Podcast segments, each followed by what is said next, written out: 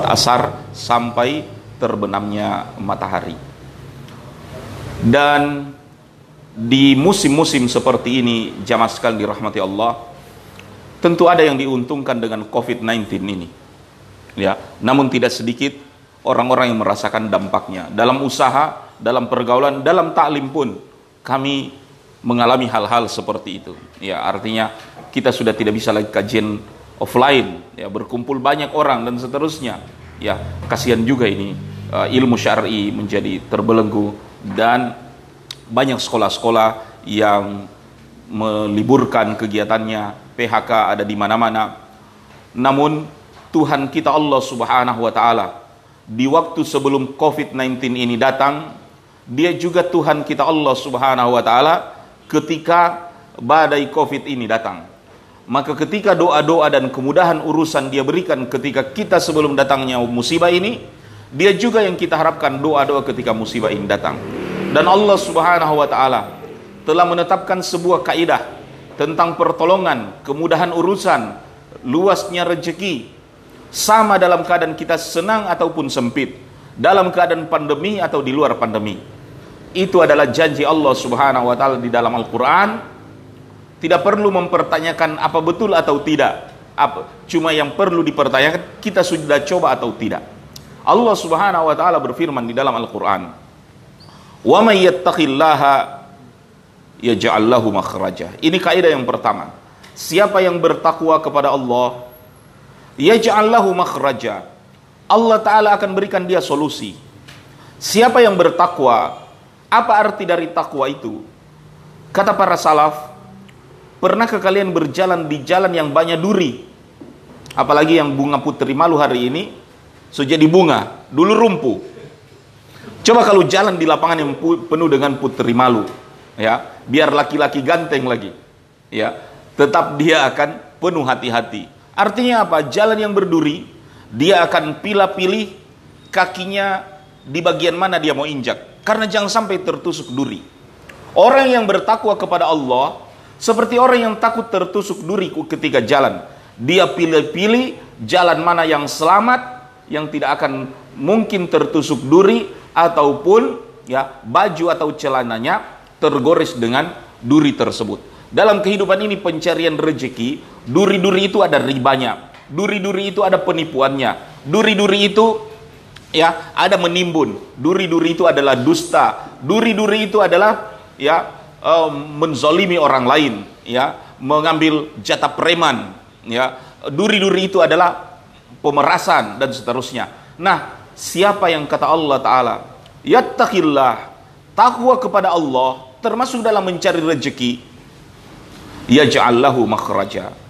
Allah Subhanahu wa taala akan berikan jalan solusi baginya ya dari setiap persoalan. Itu janji.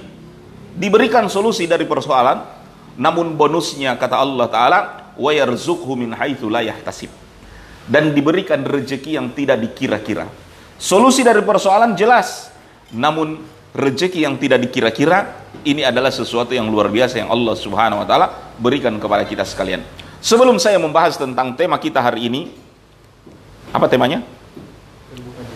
Terbukanya pintu rezeki yang berkah, ya. Dan jamaah sekalian dirahmati Allah taala, saya akan bawakan sebuah kisah. Kisah ini adalah kisah yang nyata.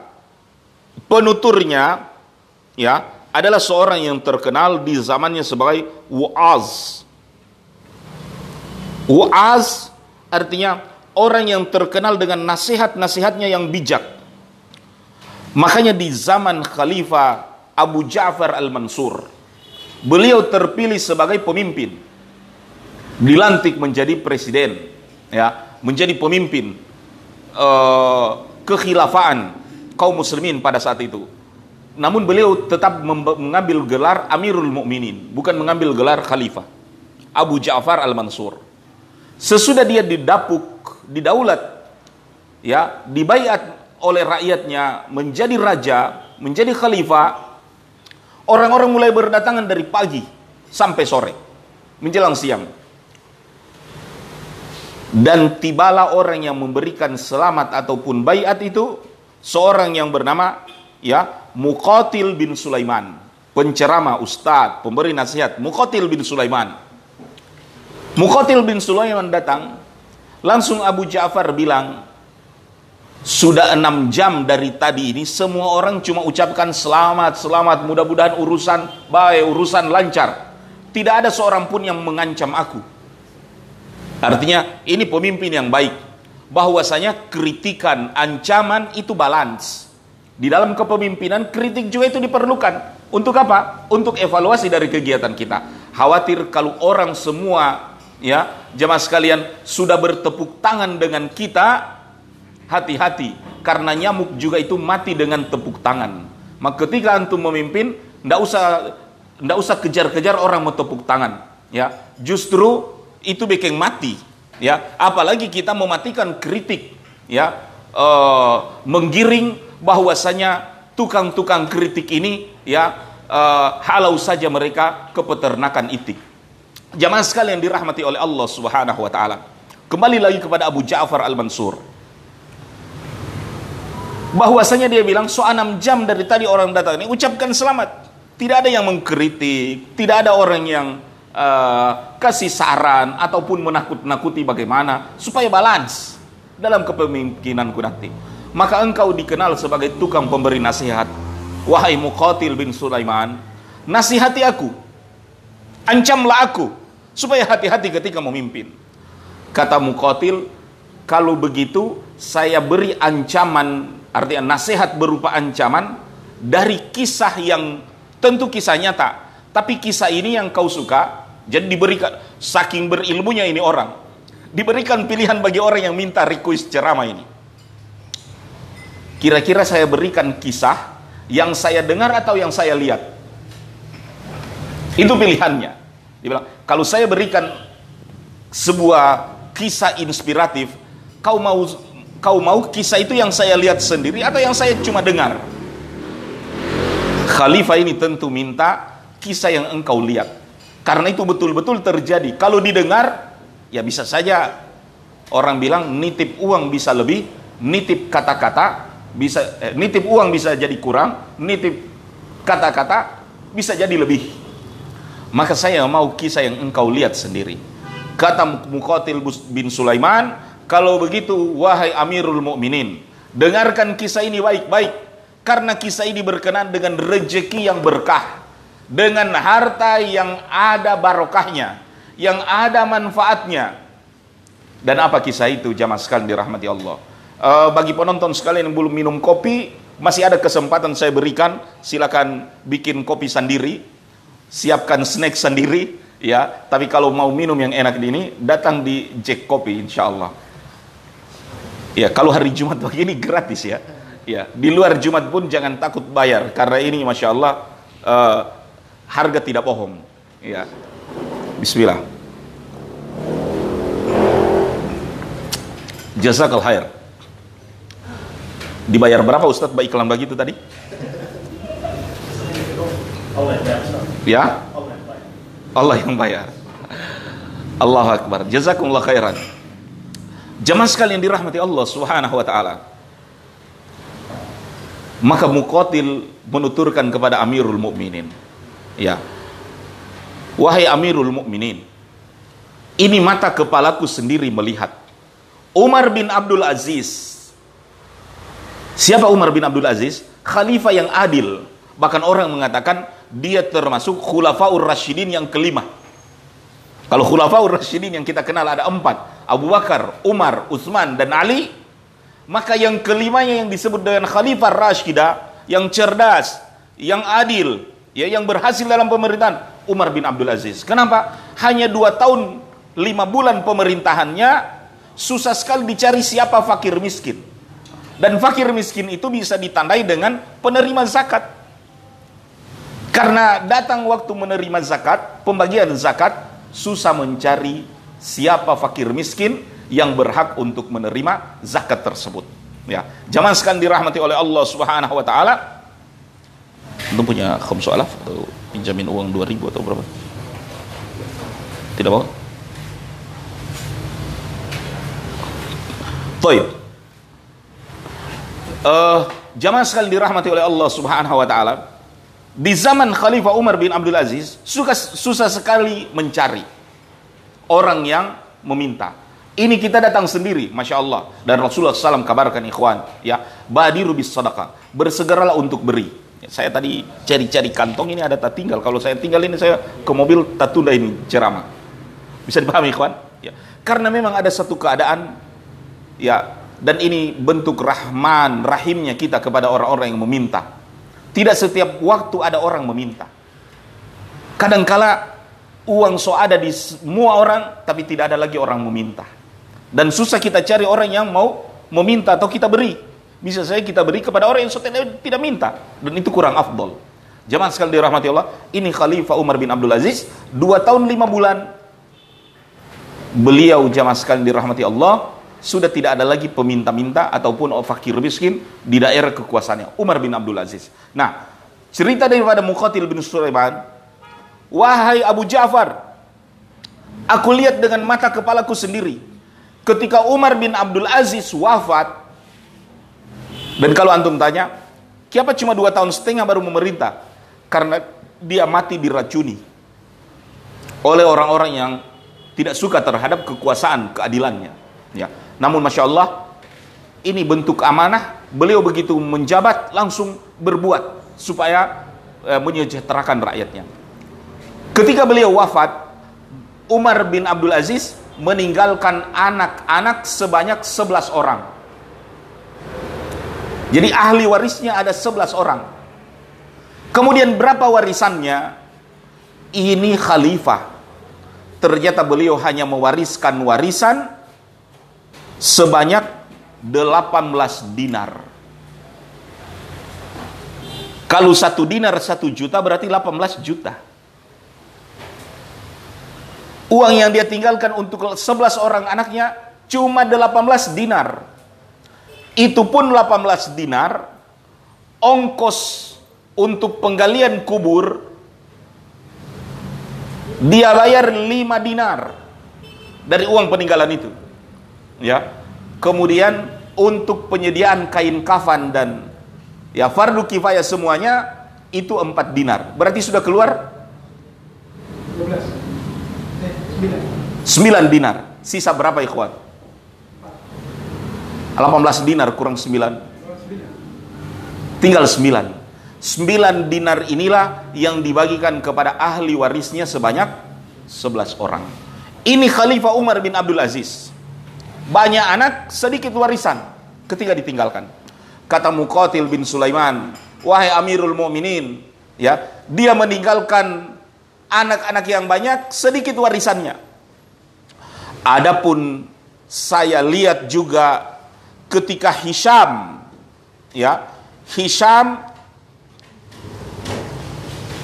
ya yang juga merupakan khalifah Hisham bin Abdul Malik.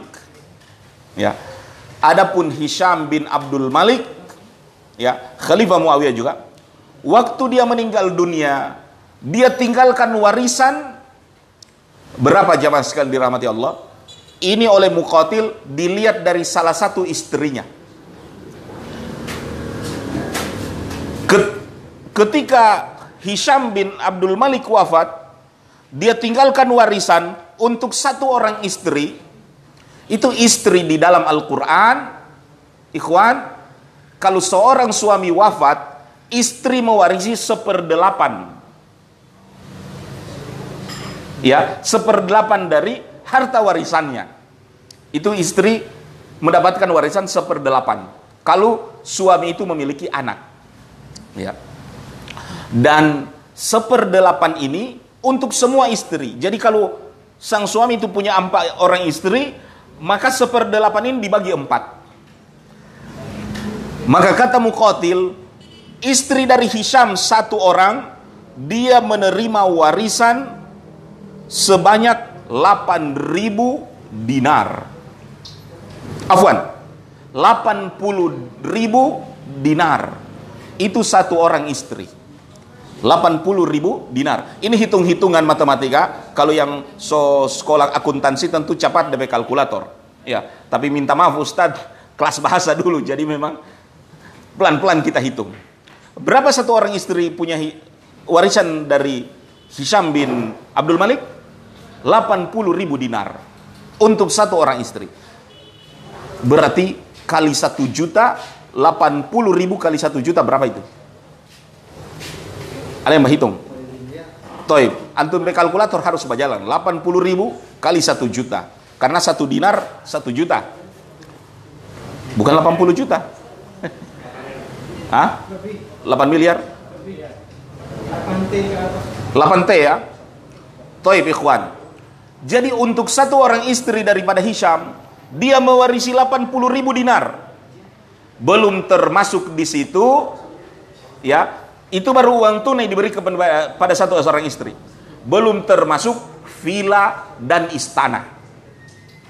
Jadi masing-masing istri juga dapat villa, dapat istana, dapat instal kuda, dapat lahan pertanian. Itu cuma uangnya saja, 80 ribu dinar. Kali empat istri berapa ikhwan? Kalau begitu 80 ribu kali empat. Berapa ikhwan? 320 ribu. Itu warisan untuk semua istrinya keempat-empat. 320 ribu dinar. Antum kali satu juta itu. Ikhwan yang dirahmati Allah Ta'ala. Sekarang kita ketahui dan ini menariknya warisan dalam Islam. Bisa dihitung oleh orang lain. Kalau warisan itu dibagi sesuai syariat. Dapat tahu adil atau tidak dibagi tapi kalau dibagi tidak sesuai dengan syariat Islam ini warisan, maka siapa yang kuat, siapa yang berpengaruh, dia yang dapat banyak. Makanya jamaah sekalian dirahmati Allah, ya banyak kali keluarga persaudaraan itu pecah gara-gara cuma warisan. Ada sebagian yang sotinam bapam, sotinam bawa nama marga. Baru kalau tanya, eh opa, kiapa tidak bapam ini dia? Dia bilang, dulu ngonipe totu kamari itu dia nianda bagi adil. Makanya karena dia nianda kasih kita sunena bawa ngoni pe opa pe pam itu. Itu ikhwan yang dirahmati Allah subhanahu wa ta'ala.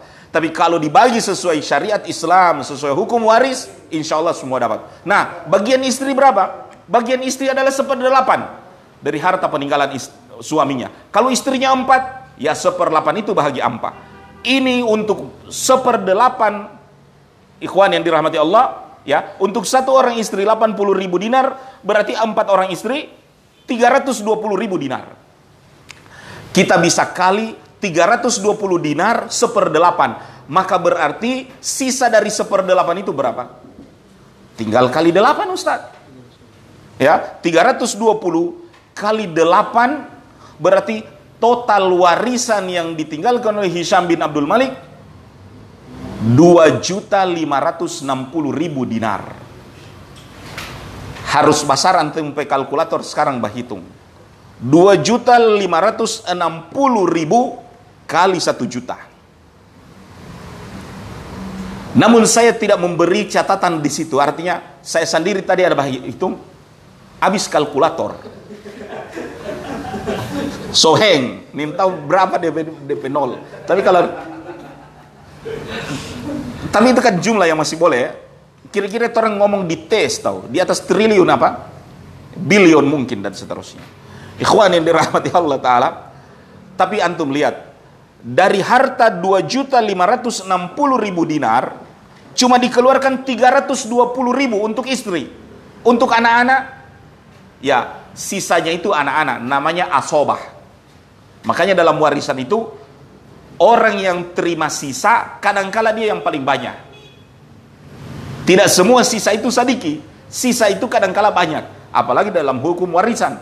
Karena yang dikeluarkan dalam warisan yang jelas-jelas dulu. Yang ada dalam Al-Quran pembagiannya. Yang sudah dibagi dalam Al-Quran kan anak perempuan suka luar. Iya kan? Istri suka luar. Tinggal anak laki-laki yang tidak didapat. Eh kalau begitu dia asoba, sisa. Oh, kalau kurang sisa tidak sedikit, tidak sadik, tidak sedikit itu sisanya warisan. Sisanya warisan itu yang tidak terjumlah. Ya, jadi hitung jod 2 juta 560 ribu kurangi 320 ribu ikhwan. Itulah sisa harta warisan untuk anak-anaknya. Saya lanjut kisahnya ya, karena belum masuk di materi ini. Semua pertanyaan. Jamaah sekalian yang dirahmati Allah Subhanahu wa taala. Kata Muqatil bin Sulaiman, Saya saksikan anaknya Umar bin Abdul Aziz. 11 orang berbagi di 9 dinar. Sisa dari penguburan, sisa dari kain kafan, dari 18 dinar peninggalan ayah mereka Umar bin Abdul Aziz. Adapun Hisham yang telah meninggalkan harta warisan yang demikian banyak. Hingga di zaman modern orang kalkulator lemah menghitungnya ikhwan. Namun di hari yang sama kata Muqatil bin Sulaiman, wahai khalifah yang ingin dinasihati, di hari yang sama demi Allah saya lihat Suatu hari di hari yang sama saya lihat salah seorang anak dari Umar bin Abdul Aziz dia menginfakkan 100 ekor onta untuk di jalan Allah Subhanahu wa taala. 100 ekor onta lengkap dengan muatannya. Ya, artinya onta di zaman itu kendaraan perang. Nah, kalau orang berinfak untuk Onta perang berarti so di situ DP pedang, DP lars, DP tameng, DP air, ya uang jajan. Berarti hari ini termasuk handphone dan USB ada di situ.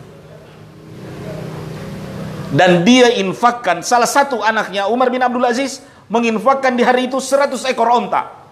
Eh 100 ekor kuda perang lengkap dengan isinya. Ikhwan yang dirahmati Allah Ta'ala Itu bukan harta yang sadiki. Hari ini kita hitung-hitungan ya Kalau tentara Amerika itu Kira-kira DP aksesoris yang dia pakai itu berapa? Ya Orang mengatakan 200 juta Murah Tidak sampai dua Baru DP Lars sepatu seberapa? Ya Antum pakai itu Lars sepatu yang merek, merek Delta Force Padahal DP KW KW nya saja tidak kurang dari 100 ribu 80 ribu misalnya ya. Apalagi kalau yang so asli ya kan DP laras berapa? Baru DP calana ya kan? Ikhwan dirahmati Allah harga sebuah perlengkapan militer mahal. Bisa saja 3 miliar 4 miliar satu buah. Nah ini diinfakkan oleh anaknya Umar bin Abdul Aziz salah satu salah satu anaknya. Berapa tadi ikhwan? 100 ekor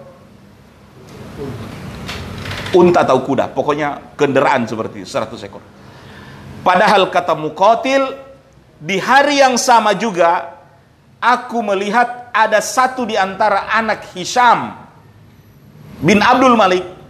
Hisham ini yang banyak peninggalannya tadi. Ternyata dia menjadi peminta-minta. Ironi di dalam kehidupan. Ya, Umar bin Abdul Aziz yang meninggalkan sedikit warisan, belakangan anaknya menjadi kaya raya berinfak 100 ekor onta. Adapun ya Hisham bin Abdul Malik yang tinggalkan harta yang lemah orang kalkulator hitung tadi, ternyata tidak lama anaknya menjadi peminta-minta. Inilah pertanyaan, Ustadz, apa bedanya itu di dalam kehidupan? Kita mengatakan, inilah pembahasan kita mengenai rejeki itu. Bahwasanya rejeki ada berkah dan ada tidak berkah. Rezeki ada rahasianya. Rezeki ini bukan karena kuat dan pintarnya orang mendapatkan hasilnya. Seandainya rezeki ini ada di bumi, sobaku potong kita orang ini berebut rezeki. Ustaz, memang peperangan itu kan sumber daya. Ngapain itu Belanda datang di Indonesia 350 tahun? Kalau bukan bunuh-bunuhan demi untuk mengambil. Ya, tapi memang Allah Ta'ala jadikan rezeki belum di bumi. Di Al-Quran, wafis sama rizkukum. Ada di langit itu rezeki. Bayangkan, so di langit saja rezeki, masih saja ada penjajahan, masih ada saja peperangan demi untuk memperebutkan ladang-ladang minyak dan sumber daya itu. Apa lagi kalau Allah so turunkan, dijadikan di atas muka bumi itu rezeki, so tambah kacau lagi orang ini baku potong. Ikhwan yang dirahmati Allah Ta'ala. Rezeki kata Allah Ta'ala. Wa fis samai rizqukum. Ada di langit itu rezeki. Maka hari ini kita ingin hitung-hitungan rumus rezeki. Yang pertama ikhwan. Yang harus kita pahami. Membahas kaidah tentang rezeki ini. Yang pertama ikhwan. Saya kasih contoh dulu. Ini tisu saya buang. Kenapa dia tidak mau lari, tidak melayang, tidak tetap dia turun. Ini semua mengajar fisika lagi nih Ustadz. ya. Ada apa ini tisu saya lempar baru dia tidak melayang di atas.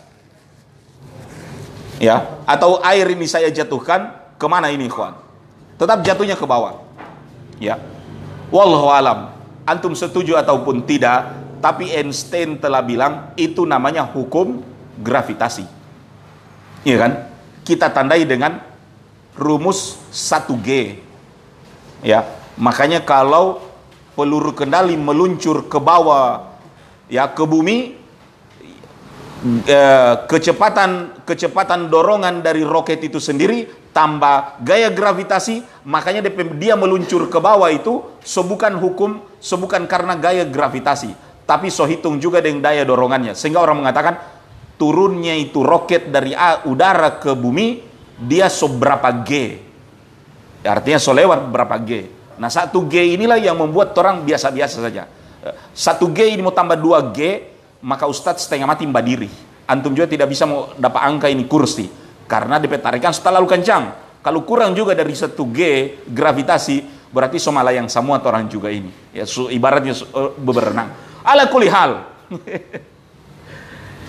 uh, ikhwan yang dirahmati Allah Ta'ala, saya ngomong tentang gravitasi adalah sekedar hukum sunatullah. Ini bukan hukum Einstein. Ya, Einstein cuma memberi saja istilah. Sama jodeng itu likuifaksi di Palu beberapa waktu yang lalu tanah sobat jalang, tiba-tiba para ilmuwan lahirkan bilang jo itu likuifaksi. Padahal dulu-dulu kemarin orang tidak pernah dengar apa itu likuifaksi. Jadi bekeng dulu fakta, baru kasih tahu break, baru kasih tahu DP nama. Dalam arti semua peristiwa ini Allah yang ciptakan.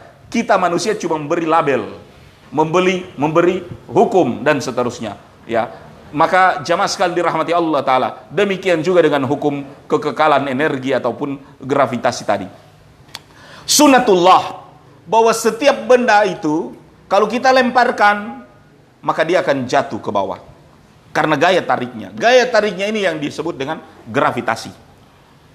Afwan, gaya tarik gravitasi ini yang saya sebut dengan tadi sunatullah, hukum Allah. Ngapain Ustaz lama-lama di sini? Saya sedang membahas rezeki. Ya, karena rezeki juga ada sunatullah. Artinya tidak akan pernah menentang hukum gravitasi ini. Apa itu? Yang pertama, sunnatullah dalam hal rezeki. Ini wahai para pencari rezeki, pahami dulu sifat sunnatullah dalam hal rezeki ini. Yang pertama ikhwan, yang namanya rezeki bukan uang. Bukan hanya uang. Tapi sehat rezeki, ilmu rezeki, ganteng rezeki. Baotot apa itu? So ada gym kong baotot rezeki.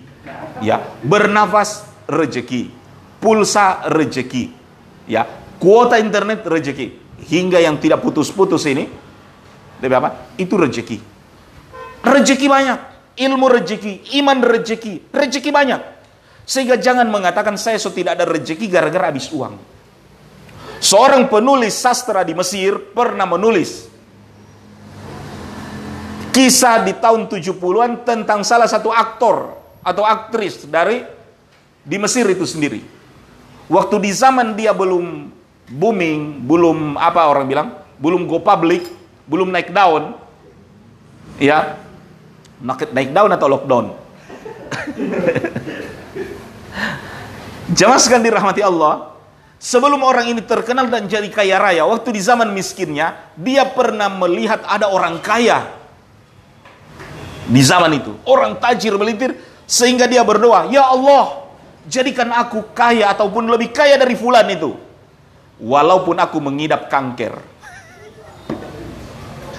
Artinya, saking tidak tahannya dia hidup menderita, dia telah berdoa, Ya Allah, jadikanlah aku menjadi kaya, walaupun digorgoti kanker, cancer. Ajib itu doa, ikhwan. Iya. Makanya doa ini harus hati-hati. Biar orang ada marah. Berdoa yang baik. Imam Sudais bilang, waktu dia dengan saudaranya main-main, dia taburi pasir, saudaranya ternyata itu pasir malayang di adonan kue ibunya. Makanya itu adonan kue so jadi kue pasir. Tapi ibunya marah, ibunya bilang mudah-mudahan kau jadi imam Masjidil Haram. Itu doa ibunya waktu ada marah. Dia bilang, coba kalau lain-lain DP mama doa waktu itu. Tapi didoakan waktu, ah, ini sang aktor ini di zaman kerenya pernah bilang, ya Allah, jadikan aku kaya, lebih kaya dari fulan itu yang dia lihat. Walaupun digerogoti kanker. Ikhwan yang dirahmati Allah, ternyata karirnya membawa dia kepada ketenaran, di puncak ketenaran Ketika uang itu sudah dihasilkan, ternyata dia digerogoti kanker, cancer. Baru dia mengatakan, untuk apa uang yang banyak ini baru banyak cancer. Ini ironi kehidupan ikhwan. Kadangkala kita dalam hidup ini mengorbankan kesehatan untuk cari duit. Dan memang duit kita dapat, begitu duit kita dapat, kita beli lagi itu kesehatan. Iya. Dari muda Pokoknya biar korbankan kesehatan demi duit. Duit sudah didapat. Sobanya itu duit. Saatnya lagi beli lagi itu sehat. Orang bilang di sana itu DP obat. Oh beli saja. Di sana lagi mau jadi sehat. Beli saja. Ikhwan dirahmati Allah Subhanahu wa taala, ya, maka selalu hadirkan kesyukuran. Kembali kepada kisah ini, ternyata rezeki itu bukan hanya duit. Sehat itu duit. Ya, waktu luang itu juga duit. Eh, afwan, apa saja di duit? Sehat itu rejeki. Waktu luang juga itu rejeki.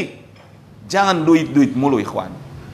Ya, ini yang perlu kita sadari berbicara tentang rejeki.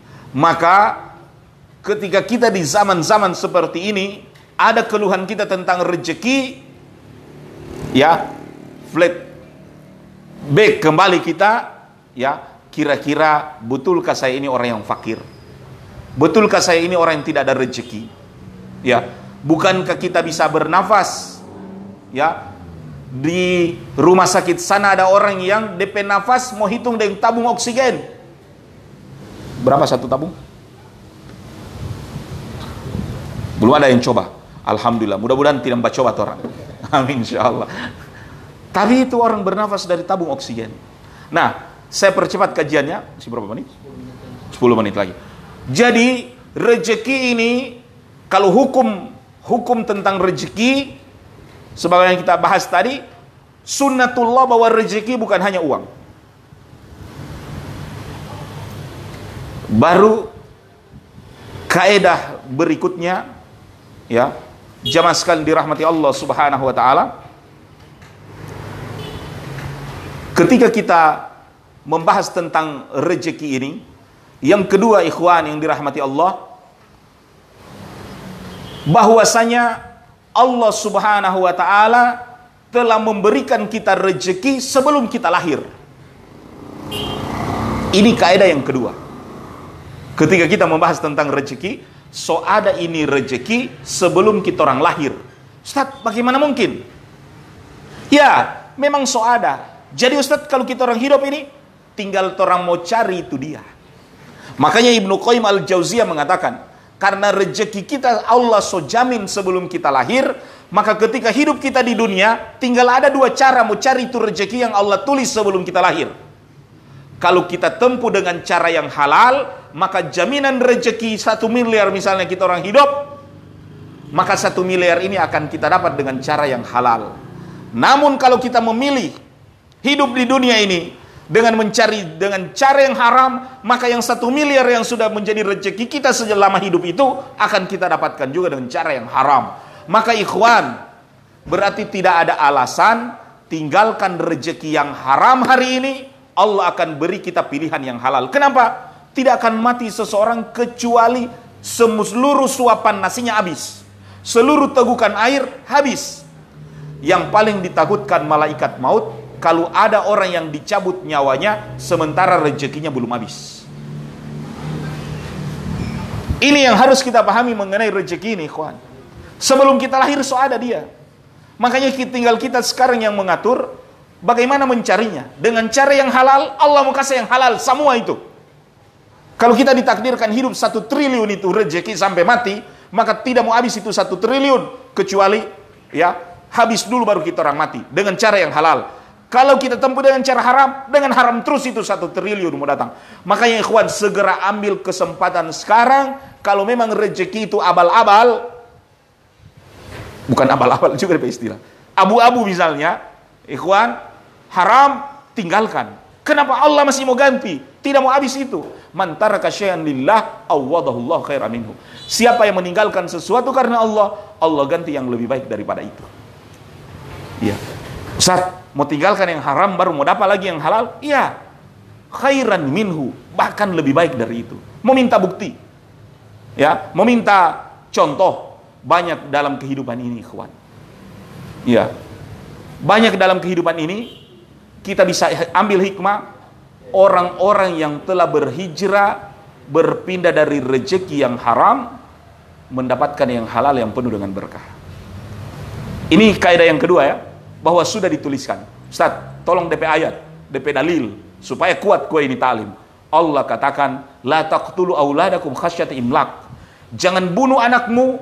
Ini pesan bagi orang tua ketika perasaan baru baru lahir DP anak, kiapa so ada isi ulang ini? Ya kan?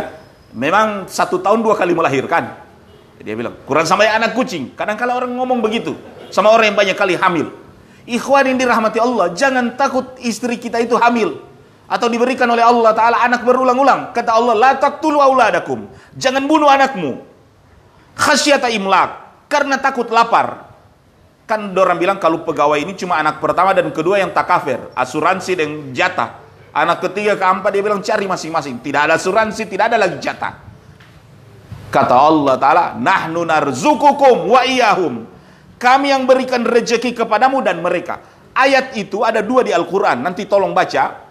Dua ayat tapi berbedaan arti. Berbedaan akhir. La taqtulu auladakum khasyata imlak. Jangan bunuh anak kalian karena takut lapar akhir dari ayat yang satu berbunyi nahnu narzukukum wa iyahum. Kami berikan rejeki kepadamu dan mereka. Di ayat yang kedua, kami berikan rejeki mereka dan kamu. Di ayat yang pertama didahulukan DP bapak yang dikasih rejeki baru DP anak. Dalam arti kalau seorang itu takut jangan sampai kita ini banyak anak. Waktu dia belum ada anak. Yang kedua, jangan sampai kita orang takut tiba-tiba so ada anak, so hamil. Kasih gugur jadi bilang, tidak di cover asuransi ini. Allah katakan, ya kami beri rezeki dia yang so ada ini sekarang di perut dan juga kamu. Maka ikhwan dirahmati Allah kaidah mencari rezeki so ada sebelum orang lahir. Ya tinggal sekarang kita orang mau cari. Kaidah yang ketiga. Dan kaidah yang ketiga ini sebenarnya berhubungan dengan rahasia bertambahnya rezeki kita orang so tahu sebenarnya. Ustaz tinggal mau ingatkan. Kaidah bertambahnya rezeki dan luas itu nyata. Di dalam Al-Quran Allah katakan la in syakartum la azi dan nakum Kalian syukuri, kami tambah. Makanya ikhwan, bagaimana supaya bertambah itu syukur kita?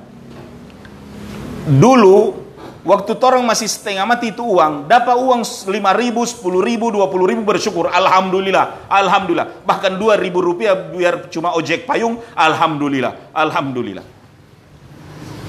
Di waktu usaha sudah melebar, banyak sekali itu usaha, Recehan-recehan ini so tidak ada alhamdulillah babunyi. Dua ribu tidak ada alhamdulillah, sepuluh ribu tidak alhamdulillah, dua puluh ribu tidak. Nanti tinggal yang juta-juta, uang goros baru alhamdulillah. Tapi ikhwan, tahukah kita, dua ribu yang kita infakkan kepada orang, dia bilang alhamdulillah. Maka Allah tahu, walaupun dua ribu ada di kita, kita tidak bilang alhamdulillah. Tapi orang yang kita kasihkan alhamdulillah, Allah tahu dari sungai mana ini alhamdulillah. Ternyata sungai-sungai alhamdulillah itu bisa saja kita pemilik sungai yang tidak alhamdulillah, tapi orang yang kebagian air dari sungai walaupun recehan alhamdulillah, ini yang ribut DP alhamdulillah. Sebabnya Allah lancarkan itu rezeki. Ya, jadi kalau mau banyak orang bersyukur, banyak juga berbagi supaya banyak alhamdulillah bunyi di sini. Kenapa Allah tidak tambahkan rezeki? Orang tidak mau bersyukur. So tidak bersyukur dan so tidak berbagi. Tidak ada alhamdulillah bunyi di sini. Maka mau memperbanyak alhamdulillah, ya, perbanyak juga memberi. Jadi biar cuma recehan kakak cili, ada alhamdulillah babunyi di situ. Masya Allah. Ini yang ojek payung alhamdulillah. Ini yang parkir alhamdulillah. Ya, ini yang biar cuma minta-minta 2000 alhamdulillah. 2000 alhamdulillah nyaring sekali dari dompet orang. Padahal ada orang yang lebih banyak dari itu tidak pernah bunyi alhamdulillah. Bisa dipahami ikhwan?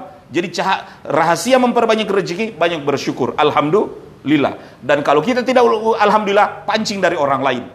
supaya memang karena rezeki yang kita bagi pada orang lain bikin mbak alhamdulillah juga secara kuantitas dari rezeki kita. Bisa dipahami kawan? Allah Ta'ala memberi rezeki ini ibarat sungai, dia kirim lewat sungai-sungai besar. Di sungai besar itu masih ada sungai-sungai kecil. Ya, tapi dari dari semua sungai mana yang paling banyak DP alhamdulillah. Ya tentu sungai yang banyak DP alhamdulillah, di situlah yang paling banyak berkah, lancar, bersih dan seterusnya. Cuma ya itu, kadangkala pemilik sungai ini dia solupa tinggal yang besar-besar dia mau alhamdulillah kan. Yang kecil-kecil tidak ya. Nah kalau yang kecil-kecil so tidak bagi juga saya itu recehan pada orang lain ikhwan. Ini kaidah yang ketiga ketika meluaskan rezeki eh memperbanyak rezeki. Kaidah yang keempat keberapa keempat untuk rezeki ini ikhwan supaya luas silaturahim. Apa itu silaturahim menjaga hubungan kerabat rahim. Kalau orang dua ini bukan silaturahim. Ini sila ukhuwa namanya. Persaudaraan. Rahim itu yang ditautkan oleh rahim. Berarti dengan saudara kandung, orang satu rahim dengan ibu. Baru Ustadz yang sepupu satu kali, satu rahim dengan nenek. Sepupu dua kali Ustadz, satu rahim dengan nenek. Iya, nenek pe mama. Sepupu tiga kali, nenek pe nenek. ya, sepuluh empat kali, nenek pe nenek pe nenek. Ikhwan yang dirahmati Allah, itu yang namanya rahim. Rahim ini besar keutamaannya. Sebab kenapa? Dia makhluk Allah ini rahim. Awalnya rahim ini menempel di arsh. Lantas dia sesenggukan menangis. Kata Allah, kenapa engkau menangis wahai rahim? Kata rahim, nanti orang-orang tidak peduli lagi sama aku. Kata Allah Ta'ala, tidak usah sedih. Man wasalaka, siapa yang menyambung talinya denganmu, wasalahullah. Allah akan sambungkan tali dengannya. Mangkata'aka, siapa yang memutuskan tali denganmu, maka Allah juga putuskan hubungan dengannya. Makanya inilah perlu untuk selalu menengok rahim. Tentu ikhwan, pemilik rahim Dialah orang yang berhak untuk kita perlakukan lebih baik dibandingkan dengan orang yang cuma ditautkan. Siapa pemilik rahim itu? Ibu kita. Makanya Rasulullah SAW ketika ditanya oleh Abu Hurairah, Man ahsanu nasi bihusni sobati. Siapa orang yang paling berhak aku berbuat baik kepadanya? Rasulullah mengatakan ummuka, ibumu. Summaman, siapa lagi? Ibumu. Summaman, siapa lagi? Ibumu. Tiga kali Rasulullah sebut ibumu, ibumu, ibumu. Berbuat baik kepada ibumu tiga kali baru kemudian ayahmu. Kata para ulama, kenapa ibu tiga kali? Sebab dia pemilik rahim. Kita orang ini kalau ada uang kan suka dapat ingat saudara, kasih itu saudara, kasih itu ponakan, kasih itu paman, kasih itu tetangga, kasih itu. Ya, tapi pemilik rahim itu jangan lupa. Dia tiga kali lipat diberikan. Maka ikhwan, kalau kita mau diluaskan rezeki, luaskan juga silaturahim kita. Hubungan kekerabat dan rahim terutama untuk kerabat. Kemudian ya termasuk juga di sini para ikhwah, ikhwah fillah, orang-orang yang e, bersaudara karena agama, ya artinya saudara-saudara kita sama muslim. Dan yang terakhir ikhwan, ya e, saya juga memancing pertanyaan dari antum semua. Kalau ada pertanyaan tafadhol. Ini sebenarnya bukan terakhir. Ya, cuma karena kita waktu dibatasi ya. Bahwa kaedah sunatullah di dalam mencari rezeki yang ketiga adalah eh, yang ke, yang kelima adalah bahwasanya rezeki itu akan datang ketika kita itqan. Apa itu itqan? Itqan itu Rasulullah SAW katakan, Innallaha yuhibbul ab idza amala amilan atqanahu. Allah mencintai seseorang hamba bila mana dia berbuat, dia itqan. Apa itu dia itqan? Profesional jadi ketika kita melaksanakan satu perbuatan yang mendatangkan rezeki, profesional kita di dalamnya, sungguh-sungguh. Ikhwan yang dirahmati Allah, tidak ada itu pekerjaan mulia dan hina. Semua pekerjaan sebenarnya mulia. Karena yang memuliakan bukan orang lain, kita sendiri yang muliakan itu pekerjaan. Kalau kita tunggu nanti orang lain yang memuliakan kita dan pekerjaan sampai mau putih itu burung, burung pako, burung gagak itu, tidak akan ada orang yang mau memuliakan pekerjaan kita. Kalau kita nanti mau tunggu orang lain, muliakan sendiri oleh kita. Bagaimana kita memuliakan diri kita dengan pekerjaan kita? Kita yang hormati dan profesional dengan pekerjaan itu. Tapi kalau nanti mau tunggu orang lain, tidak akan bisa. Makanya jangan berprinsip dalam hidup ini, saya cuma pekerjaan-pekerjaan terhormat. Eh, apa itu pekerjaan terhormat?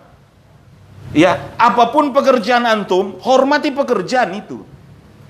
Walaupun pekerjaan kita itu cuma peduli lingkungan, petugas kebersihan. Tapi Masya Allah, antum profesional. Kenapa? Dari pagi-pagi, sorapi, tempat, ya, hatta tempat mengangkut rumputnya antum sebersihkan. Ya, perbarui DP cat, bagus, neces. Ya, dulu di Makassar, truk-truk angka sampah itu kan uh, setengah mati. Orang mau lewat saja, bau. Iya kan? Tapi ada salah seorang wali kota, dia poles itu truk sampah, dia baking bagus, neces, ya DP audio dia setel bagus lagi dan seterusnya. Kemudian uh, orang yang banides juga bagus. Akhirnya orang memandang para petugas sampah pahlawan. Ya, dua tiga hari so tidak lewat, oh so rindu dorang dengan itu dia. Ya, makanya ketika datang para petugas sampah menjemput sampah, masyarakat alhamdulillah hore senang. Ya, mereka merasa terbantu orang menganggap petugas sampah pahlawan. Ya, tapi kita orang kalau kita orang tidak pedulikan itu bagaimana? Ya, termasuk dakwah di jalan Allah Subhanahu wa taala ini juga. Ya, para ustadz harus hormati pekerjaan mereka itu. Ya, tidak harus menunggu orang lain hormati, tapi mereka dengan cara profesional, berkata jujur, ya, artinya uh, menanggapi kritik, masukan dan seterusnya, profesional. Apa pun pekerjaan kita, profesional. Hat ikhwan yang dirahmati Allah. Ada seorang yang mengeluh ke saya. Dia resign dari sebuah kantor, memilih untuk jadi petani. Sesudah jadi petani, mertuanya marah-marah. Karena mertuanya merasa, aduh kemarin kau orang kantoran, neces keluar rumah, sekarang berangkat dengan baju kumal, pulang juga dengan bau dan kumal. Kalau begitu turun juga dari rumah ini. Basandiri bakos. Dia bakos, datang ke saya. Saya bilang ke dia, ikhwan, ya. Jangan rubah perilaku pekerjaan antum. Sekarang antum beralih jadi petani. Tapi antum sungguh-sungguh jadi petani bilang sungguh-sungguh. Antum cintai saya cintai. Kalau begitu antum berangkat kerja ke area pertanian seperti layaknya pegawai kantoran. Bagaimana? Bangun subuh sesudah subuh zikir siapkan sarapan baru kemudian ambil kamar itu antum peseragam jangan pakai seragam yang kumal. Taruh ke sana situ seragam memang petani sukses, bekeng DP pangkat-pangkat sendiri. Tempel dan kaleng-kaleng sendiri. Iya. Baru kemudian antum turun dari rumah, pakai capatu, spokat hitam. Iya, sisir dan pakai ya, pomade yang memang ikhwan dirahmati Allah, kasih harum-harum. Iya. Baru kemudian antum tenteng tas. Di dalam tas itu di situ ada parang, ada sabit, ada pupuk, ada macam-macam yang antum punya. Iya. Lantas dia coba. Anak lihat dia so pakai dinas, masya Allah dia memang itu baju dia pakai warna tidak tahu apa itu hadiah juga dari pabrik pupuk atau dari apa ya. Al-muhim. Ikhwan dirahmati Allah, dia setambah necis. Anak bilang, antum usahakan sebelum pulang rumah so mandi juga rapi yang memang necis. Baju kerja tinggalkan di kebun. Baru kemudian dia buat hal itu. Baru kedua dia anak bilang, setiap kali antum datang di kebun, seperti jiwa yang antum latih, saya mau mengunjungi pabrik dan perusahaan saya. Makanya ketika antum mau mengunjungi pabrik dan perusahaan, jangan terlambat. Kalau memang jam 8 hadir, jam 8. Dan, wih, semua masuk kantor ini. Padahal cuma pikobong. Dan itu dia latih. Ya beberapa waktu kemudian dia so datang sama saya, masya Allah wajah berseri-seri, serukun dengan keluarga, alhamdulillah malah Ustadz dapat hadiah lagi. Ya dari hasil pertanian ini. Ini kisah nyata ikhwan. Jadi hormati pekerjaan antum dan antum profesional, apa pun pekerjaannya. Kita yang jualan es di pinggir jalan, kita yang jualan uh, apa kelapa muda dan seterusnya. Jangan merasa rendah diri dengan usaha. Saya pernah merasa rin, artinya ada rasa rendah diri tumba jual. Ustaz memang jual apa? Ustaz pernah jual lemong. Iya, agak takut-takut pergi. Karena tidak mau baku urus dengan Kagak ada tetangga mau dapat lihat lagi jual lemong di pasar dulu-dulu. Akhirnya Ustadz jual di penada pagi-pagi sekali. Tukang tada yang dola-dola di pasar, ada orang mau beli dia tak usah dijual, itu orang yang bayar. Saya jual pagi-pagi sekali saya pulang rumah, ya lantas mertua bilang, ah orang sotada. saya bilang tidak, so, so laku.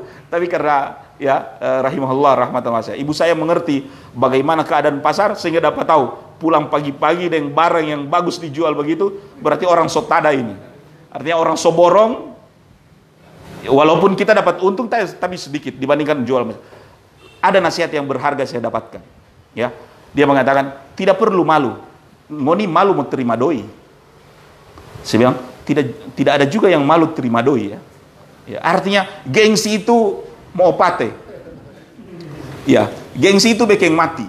Sebenarnya tidak perlu gengsi mencari, tidak perlu gengsi bajual, tidak perlu gengsi sales, sebab tidak ada tidak bikin malu mau terima doi, apalagi doi yang halal. Maka silakan menjual, silakan berbisnis, ya. Justru kita akan menjadi terhina kalau kita minta-minta.